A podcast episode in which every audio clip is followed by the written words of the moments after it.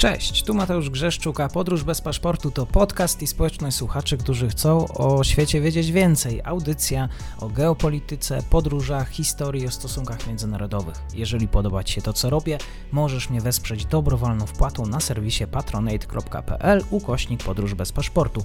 Serdecznie za to dziękuję, bo właśnie dzięki temu mam szansę rozwijać to miejsce. Obserwuj, polub i udostępniaj dalej. Zapinamy pasy, czas na kolejny odcinek podróży. Dzień dobry wszystkim słuchaczom. Dzisiaj sobotnie. Na początku tego odcinka chciałbym serdecznie podziękować dla moich nowych patronów w ramach serwisu Patronate. Jest nim pan Wojciech Leżak, serdecznie dziękuję za wsparcie, oraz pan Krzysztof Biedrzycki, serdecznie dziękuję za to, że jesteście. Dzięki wam ten podcast może się dalej rozwijać. Dzisiaj akurat będziemy rozmawiać o Haiti. Pozostajemy nadal w Ameryce Łacińskiej po rozmowie właśnie z panią redaktor Beatą Szady. Dzisiaj będę rozmawiał o skutkach trzęsienia ziemi, rzucimy trochę oko, jak wygląda ten haitański parlament. Moim gościem jest pani doktor e, Janna Gocłowska-Bolek, Wydział Nauk Politycznych i Studiów Międzynarodowych Uniwersytetu Warszawskiego. Dzień dobry pani doktor i dziękuję za przyjęcie zaproszenia. Dzień dobry panu, dzień dobry państwu. Myślę, że słuchacze tego podcastu kojarzą Haiti z problemami humanitarnymi. E, początek sierpnia ponad 1300 ofiar trzęsienia ziemi, kilka tysięcy rannych, zawaliły się domy, mosty, drogi. Padały też zarzuty, że nie tyle jest problemem samo trzęsienie ziemi i warunki atmosferyczne, ale że jest to taki kraj od wielu lat rozdzierany przez różne małe klitki oligarchów, słabe rządy, że jest ten problem z dostarczeniem pomocy humanitarnej. Ciężko jest dotrzeć do mieszkańców, e, z których, z tego co wiem, połowa żyje w nędzy. Czy rzeczywiście Haiti padło łupem różnych tych ludzi, którzy raczej nie, nie dbają o dobro ogółu? No faktycznie problemów na Haiti jest, jest cała masa. E, tutaj mieliśmy taki krótki przegląd tych, tych najważniejszych, powiedziałabym, ale ich jest oczywiście, oczywiście dużo więcej. Teraz nie ma prostej odpowiedzi na, na to pytanie, które Pan zadał, czyli e, dlaczego e, i, i co jest głównym problemem. Rzeczywiście po tym kolejnym trzęsieniu ziemi, to jest kolejny kataklizm, który nawiedza Haiti, powstały takie wątpliwości, czy rzeczywiście ta pomoc, która dociera do, do Haiti no, z, wielu, z wielu stron świata, bo od razu zostały uruchomione różne konwoje i, i ze strony Stanów Zjednoczonych i z Unii Europejskiej. W ogóle świat bardzo się zjednoczył w tym, żeby znowu pomagać, ale czy ona spełnia swoją rolę? Czy, czy jest w stanie dotrzeć do, faktycznie do tych osób, które e, jej potrzebują? Skąd takie wątpliwości? W ogóle Haiti jest e, w dużym stopniu no, takim państwem niesprawnym gdzie nawet możemy mówić i takie określenia się pojawiają, że to jest państwo upadłe, gdzie szacuje się, bo to oczywiście trudno jest potwierdzić e, dokładnie, ale że jedna piąta ludności pozostaje pod rządami tak naprawdę gangów. Natomiast nawet i w pozostałej e, części, no to w dużym stopniu oczywiście trudno jest mówić o tym, że tam są jakiekolwiek sprawne instytucje. I teraz w jaki sposób dotrzeć do tych potrzebujących? Okazuje się, że gangi, które które czują się na Haiti bardzo dobrze i one w ostatnich latach właściwie rozwinęły tę swoją działalność i, i czuły się bezkarne, zwłaszcza za czasów e, ostatniego za, e, zamordowanego prezydenta, one postanowiły również przejąć kontrolę nad, e, nad tą pomocą, która docierałaby do poszkodowanych i, i tu w wielu miejscach no, dochodziły takie sygnały, że gangi przejmują te konwoje, czy przejmują fundusze, które miałyby tam docierać, albo utrudniają dostarczanie pomocy, oczekując jakiegoś, jakiegoś wynagrodzenia za to, że w ogóle przepuszczą powiedzmy transport. I to, i to jest faktem, to jest, to jest coś, co, co jest potwierdzane wielokrotnie. Również różne organizacje pomocowe, które tam na Haiti działają, no, bardzo narzekają na to, że, że trudno jest dotrzeć z pomocą. Natomiast sami Haitańczycy, którzy są poszkodowani, oni rozkładają bezsilnie ręce, mówią, że oni nie liczą już, już na to. Dlaczego? Otóż po poprzedniej takiej dużej katastrofie z 2010 roku, myślę, że to jeszcze wiele osób pamięta, dlatego że i w Polsce mieliśmy tutaj taką akcję udzielania pomocy Haitańczykom poszkodowanym właśnie w tej, w tej katastrofie. Wówczas do Haiti docierały ogromne, ogromne finanse. To też, też nie, nie, nie znamy takiej dokładnej kwoty, około 10 miliardów dolarów zostało przekazane po to, żeby, żeby, żeby odbudować ten kraj. Tylko, że się okazało wówczas, i to po latach widać bardzo wyraźnie, że ta pomoc no, nie docierała tam, gdzie było potrzebne. Czyli e, wówczas mieliśmy trochę inną sytuację, ponieważ, e, ponieważ e, te trzęsienie ziemi było nieco słabsze, natomiast ono było bardzo, epicentrum było bardzo blisko stolicy Haiti, Port-au-Prince i dlatego zniszczenia były ogromne. Zginęło przynajmniej 230 tysięcy osób, natomiast nie tylko siła przyrody zabiła te osoby, ale także po prostu bieda, niedowład państwa i źle zagospodarowana pomoc, tak bym powiedziała. Całe Haiti właściwie jest budowane z takich e, najtańszych materiałów, jakichś takich naprędce skleconych budynków, źle skonstruowane, bez e, odpowiedniego planu, bez norm konstrukcyjnych. I to po poprzednim trzęsieniu ziemi widać było bardzo wyraźnie, że to jest jeden z tych, e, jedna z przyczyn, dlaczego praktycznie całe miasto, cała stolica obróciła się w ruinę, no grzebiąc w, w, w gruzach. Tyle osób, no tak naprawdę no,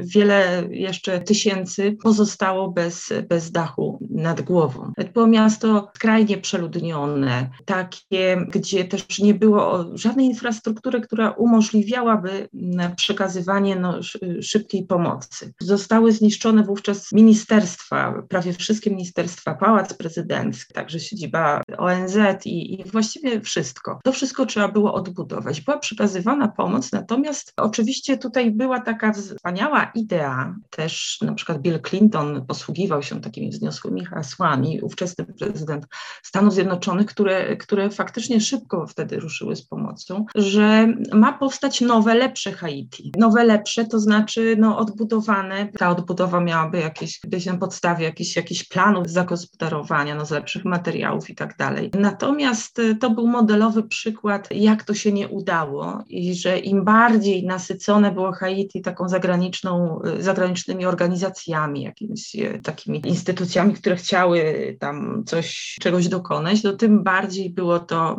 nieefektywne i tak naprawdę e, przez następną dekadę stolica ciągle leżała w gruzach. Te próby odbudowy kraju, no, no wszystkie tak naprawdę się nie spełniły. Poświęcono ogromne, ogromne pieniądze, ale też taką ogromną mobilizację wielu, wielu osób, które tam docierały, na to, aby wybudować jakieś takie schrony, jakieś tymczasowe osiedla. No i jak, jak pewnie wiemy z, z wielu różnych miejsc świata, no te tymczasowe budowle ostają się zwykle najdłużej i, i w takich właśnie jakichś tymczasowych osiedlach wielu Haitańczyków y, musiało spędzać następne, następne lata, y, też już nie wierząc w to, że kiedykolwiek doczekają się prawdziwej odbudowy swojej, swojej stolicy. I teraz w takiej dramatycznej sytuacji tak naprawdę wiadomo było, że dojdzie do kolejnego trzęsienia ziemi, że dojdzie do kolejnych katastrof, bo tych katastrof y, wywołanych no, różnymi, różnymi czynnikami było, było wcześniej sporo i też było takie oczekiwanie, że coś, coś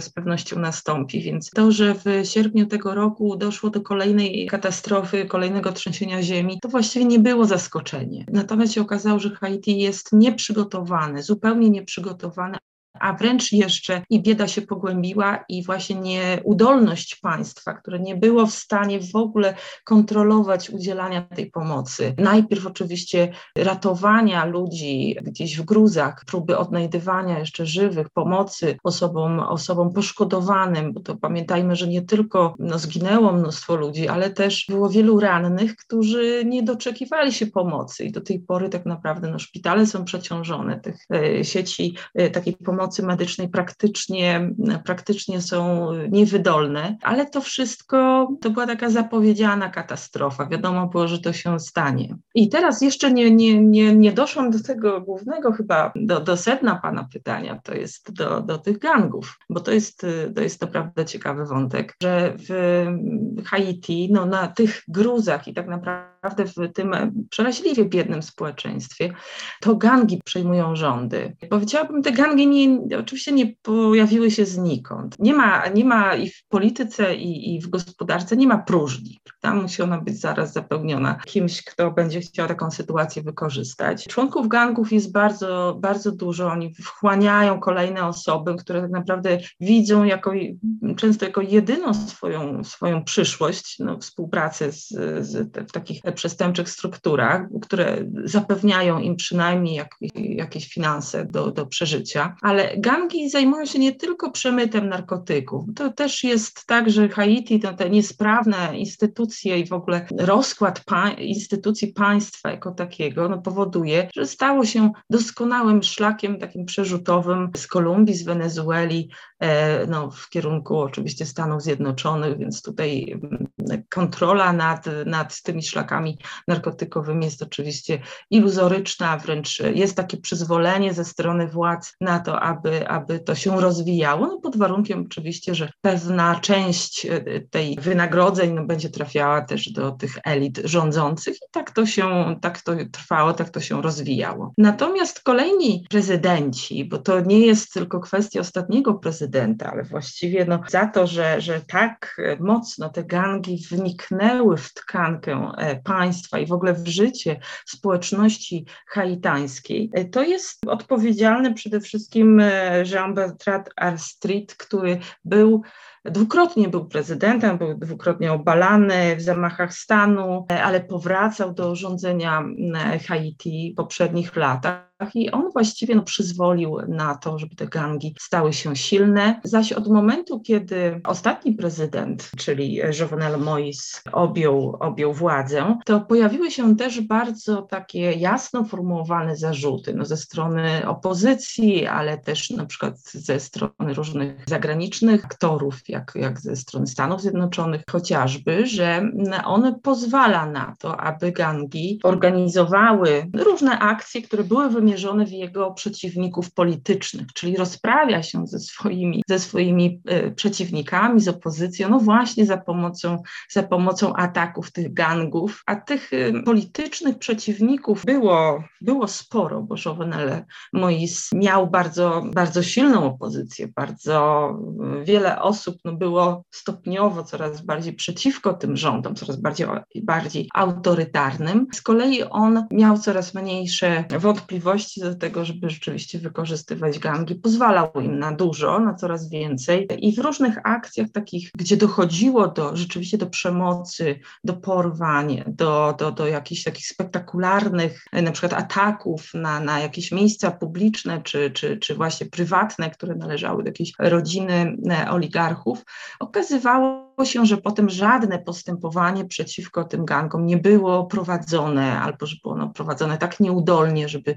niczego, broń Boże, nie wyjaśnić. Dzisiaj w tym takim chaosie, niesamowitej, skomplikowanej sytuacji politycznej, ale powiedziałabym, że wręcz w takiej pustce, w tej pustce politycznej te gangi świetnie sobie radzą i tutaj doszedł jeszcze taki problem, też, też nie nowy, ale w ostatnich latach i miesiącach tak, tak naprawdę stał się po prostu taką rzeczywistością, która, która jeszcze bardziej burzy w ogóle to życie społeczeństwa Haitańczyków, to są porwania dla okupu. Haiti jest w ogóle bardzo biednym krajem, najbiedniejszym na półkuli zachodniej. Społeczeństwo też jest biedne. Ale tutaj trudno jest mówić o tym, żeby te wymuszenia rzeczywiście przynosiły jednorazowo jakiś ogromny zysk porywaczom. Natomiast takich porwań jest bardzo dużo i one dotyczą już nie tylko jakichś przedsiębiorców, którzy faktycznie no, są postrzegani przez sąsiadów jako, jako względnie bogaci, ale wręcz takich bardzo przeciętnych ludzi, dzieci. Dzieci są porywane dla okupu, nie wiem, jacyś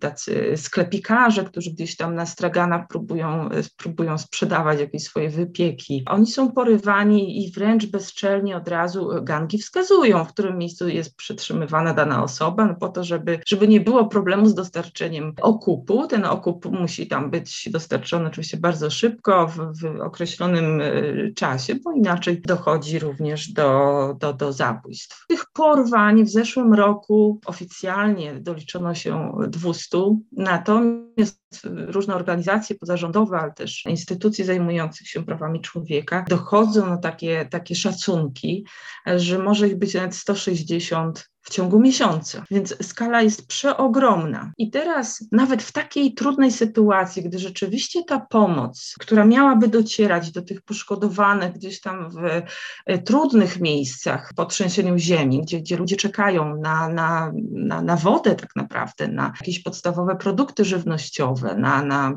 plandeki, z których mogliby klecić jakieś tymczasowe schronienie, ta pomoc jest zatrzymywana przez, przez gangi.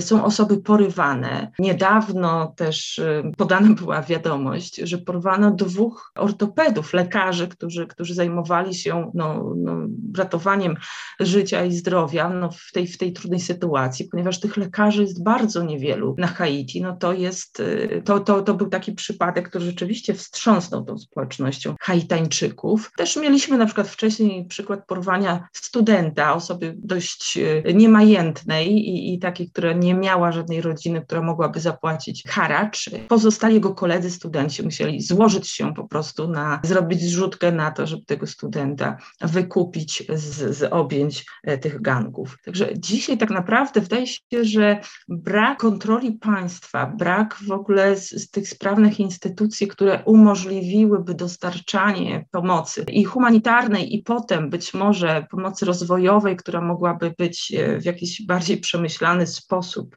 systemowy, systemowy, dostosowana do lokalnych warunków, tak żeby, żeby faktycznie wspomóc e, odbudowę Haiti, to jest, to, jest, to jest główny problem i to rzeczywiście blokuje wszelkie dalsze, wszelkie dalsze plany.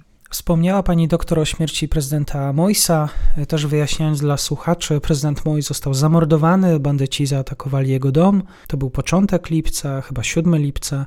W ostatnim czasie spotkałem się też z taką informacją, że główny prokurator Haiti poprosił premiera o wyjaśnienie, złożenie swoich, wyjaśnienie swoich powiązań z głównym podejrzanym, ma być nim, nim Józef Badio. Pan premier miał z nim rozmawiać kilka godzin właśnie po zamachu. Też kolejna sprawa, że obecnie w areszcie przetrzymywanych jest ponad 40 osób, w tym kolumbijscy wojskowi, emerytowani wojskowi. Pytanie, czy te doniesienia o reakcji prokuratury, samo podejrzenie wobec premiera Haiti są zasadne? No i dlaczego właściwie kolumbijskie wojsko? Faktycznie minęły już dwa miesiące, tak jak teraz rozmawiamy, od y, zamordowania prezydenta Haiti, Jovenela Moisa. I tak naprawdę wciąż nie wiadomo, co się stało. To znaczy tutaj gmatwanina tych wątków, przeróżnych powiązań, przeróżnych e, takich prób wyjaśnienia, ale tak nie do końca, prawda, rzucania jakiegoś e, jakiegoś pomysłu na to, kto i dlaczego, a potem prawda, pójście w inną stronę, jakieś takie motanie w ogóle tej sytuacji jest przeogromne. I wydaje mi się, że szanse na to, żebyśmy tak naprawdę poznali, kto stał za zamordowaniem prezydenta Moisa, są niewielkie. I właściwie, gdy, gdy czytam opinie tej różnych e, haitańskich e, i, i polityków, i, i osób, które się wypowiadają na ten temat, intelektualistów, to właściwie oni nie wierzą w to, że kiedykolwiek e, przynajmniej w, w, w, najbliższych latach poznamy, poznamy prawdę. To znaczy, na początku było, było właśnie prosto, bo od razu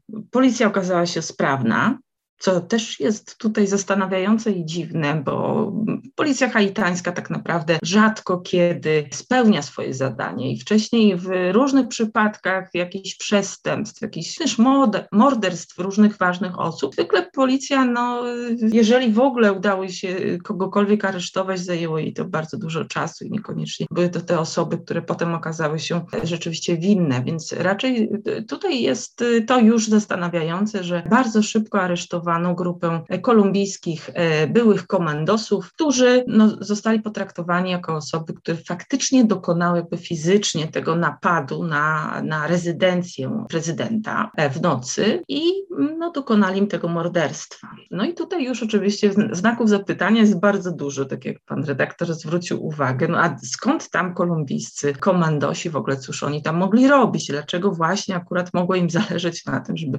haitańskiego prezydenta zamordować? I tutaj e, też ciekawy wątek, dlatego że byli e, kolumbijscy komandosi. To są osoby bardzo dobrze wyszkolone, które brały udział w wojnie domowej w Kolumbii przez wiele lat, walcząc z terrorystami w swoim kraju. Byli szkoleni przez e, służby ze Stanów Zjednoczonych, naprawdę świetnie, świetnie wyszkoleni, świetnie przygotowani do takiej pracy w różnych warunkach. Oni stając się dzisiaj bezrobotni albo odchodząc na emeryturę, albo po, po prostu będąc zwolnieni już ze służby, oni otrzymują bardzo niskie wynagrodzenie, czy bardzo niską emeryturę, za którą właściwie no, trudno jest przeżyć. Już nie mówię o przeżyciu godnym, ale, ale w ogóle wiązać koniec z końcem. I oni bardzo często wynajmują się do różnych prywatnych inicjatyw, czy, czy do ochrony kogoś, czy no w różnych częściach świata pełnią też, też role, może niezbyt, niezbyt chwalebne, jak sobie popatrzymy, byli i są obecni tysiące tych kolumbijskich e, komandosów przed na Bliskim Wschodzie, biorąc udział w różnych akcjach, których potem łatwiej jest powiedzieć danemu państwu, prawda, że, że tutaj no, oni nie działali, tylko po prostu no, jacyś kolumbijscy najemnicy, e, więc e, jakby odpowiedzialność jest wówczas mniejsza. Dlatego to jest taki, oni są bardzo, bardzo cenieni za to. I są, wynajmują się dość, dość chętnie w różnych częściach naszego globu. I to nie było nic zaskakującego tak naprawdę dla tych e, kolumbijskich żołnierzy, że dostali taką propozycję, tak jak oni potem opowiadali, żeby pojechać na Haiti. E, najpierw e, część została poinformowana, że jadą na Dominikanę i faktycznie zostali przerzuceni do Dominikany i potem dopiero przyjechali do Haiti. No po to, żeby brać, brać udział w jakiejś akcji ochrony. Większość z nich najprawdopodobniej nie miała zielonego pojęcia, że jedzie no, w takim celu, rzeczywiście, żeby zabić prezydenta. Czy by się wtedy zgodzili, to nie wiemy. Natomiast także świadczy o tym chyba wynagrodzenie, jakie dostali za akcję. To jest około 2000 dolarów. Też sobie tak wyobrażam, że jednak byli świadomi, jakie to jest przedsięwzięcie i, i, i z czym się może wiązać, prawda? no to te wynagrodzenie musiałoby być wielokrotnie wyższe.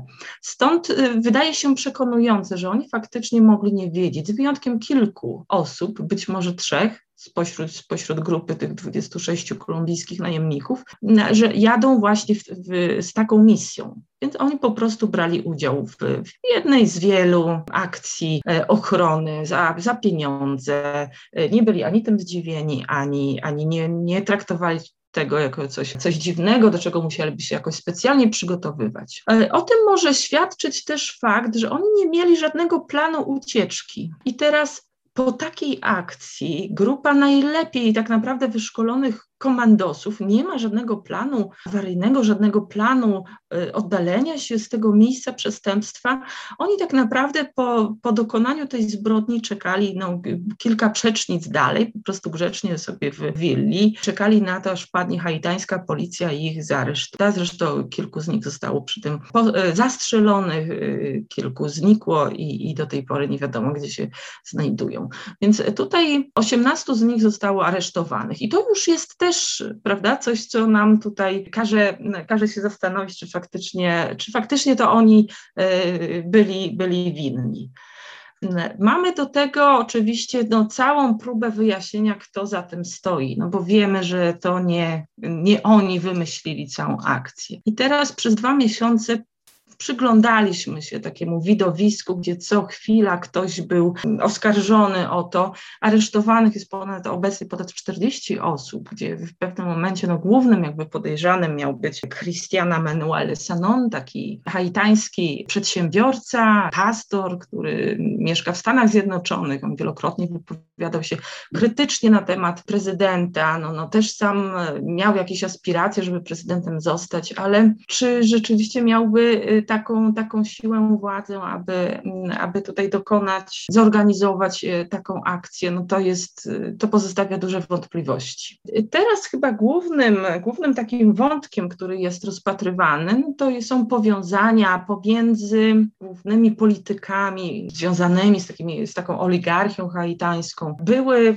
pracownik Ministerstwa Sprawiedliwości, Joseph Félix Badiot, on został, został oskarżony jako być może no, ta osoba, która wymyśliła, zorganizowała tę e, całą akcję, ponieważ e, tutaj sprawdzając jakieś połączenia telefoniczne, z kim on się kontaktował, kto, kto z nim rozmawiał, okazało się, że z telefonu właśnie obecnego premiera Ariela Henry'ego zostały wykonane dwa połączenia do tej, do tej osoby, tak naprawdę kilka godzin, nie, niewiele godzin, o czwartej rano w, właśnie w dniu e, zabójstwa, no to też no, jest wiele wątpliwości i dlatego obecny e, premier E, e, który, który obecnie sprawuje władzę w Haiti, został poproszony, poproszony, bo nie ma tutaj takiego legalnego jakby instrumentu, żeby on mógł być zmuszony, on został poproszony o to, żeby złożyć wyjaśnienia w, w najbliższym tygodniu. On już w tej chwili się wypowiedział, że niekoniecznie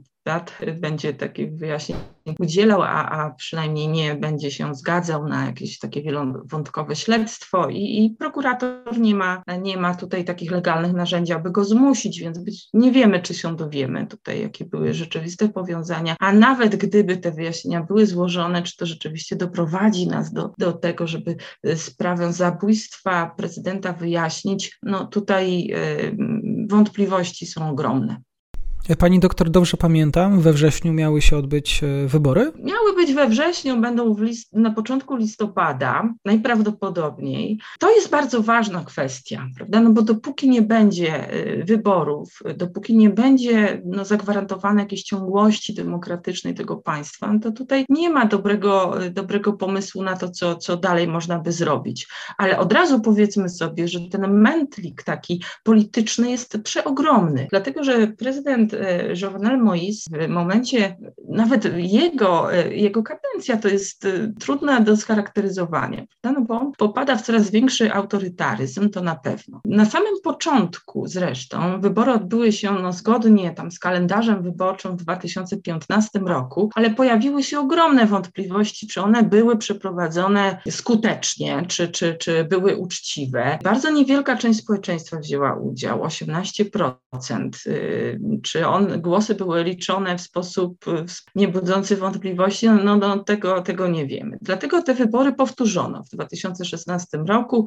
E, Jovenel Moïse znowu wygrał, znowu były wątpliwości, opozycja zgłaszała tutaj bardzo poważne e, takie zastrzeżenia. No niemniej jednak w lutym 2017 on został zaprzysiężony. Mhm. I dlatego nie wiemy do końca, czy on wciąż jeszcze legalnie rządził, bo być może jego kadencja skończyła się już w lutym tego roku. No ale on sam twierdził, że wybory miałyby być zgodnie z tym, z tym jego pomysłem dopiero w lutym przyszłego roku. Natomiast no teraz oczywiście, gdy go nie ma, to, to kwestia tych wyborów jest tutaj bardzo, bardzo ważna. Sam Jovenel Moïse rządził tak naprawdę jednoosobowo. Dlaczego? Dlatego, że on podczas swojej kadencji nie pozwolił na żadne inne, na, na przeprowadzenie żadnych innych wyborów. Rozwiązał niższą izbę parlamentu. Z wyższej izby parlamentu została, jeśli dobrze pamiętam, jedna trzecia raptem senatorów. Nie pozwolił na żadne wybory samorządowe. Odwołał wszystkich gubernatorów, więc tak naprawdę on rządził wyłącznie za pomocą swoich dekretów, które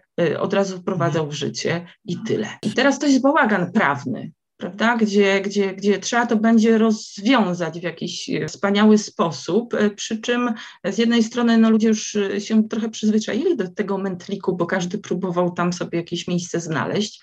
I nawet sam obecny premier, który sprawuje władzę, tak nie do końca wiadomo, czy on jest premierem, bo w momencie, gdy właśnie w momencie zamordowania prezydenta Żywonela Moisa, on już został odwołany przez, znaczy poprzez poprzedni został odwołany, natomiast ten nie został jeszcze powołany. E, więc od razu, od razu jakby władzę miał przejąć ten poprzedni, Józef, i tak faktycznie się stało.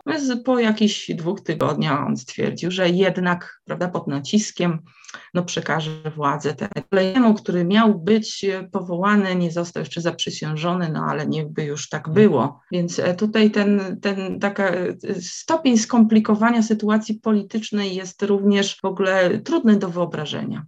Serdecznie dziękuję pani doktor za tę opowieść o Haiti, Ameryce Łacińskiej, która e, zdecydowanie zbyt mało pojawia się e, na tym podcaście, ale cały czas nadrabiamy zaległości. Moim gościem była pani doktor Janna Gocłowska-Bolek, Wydział Nauk Politycznych i Studiów Międzynarodowych Uniwersytetu Warszawskiego. Bardzo dziękuję. Dziękuję.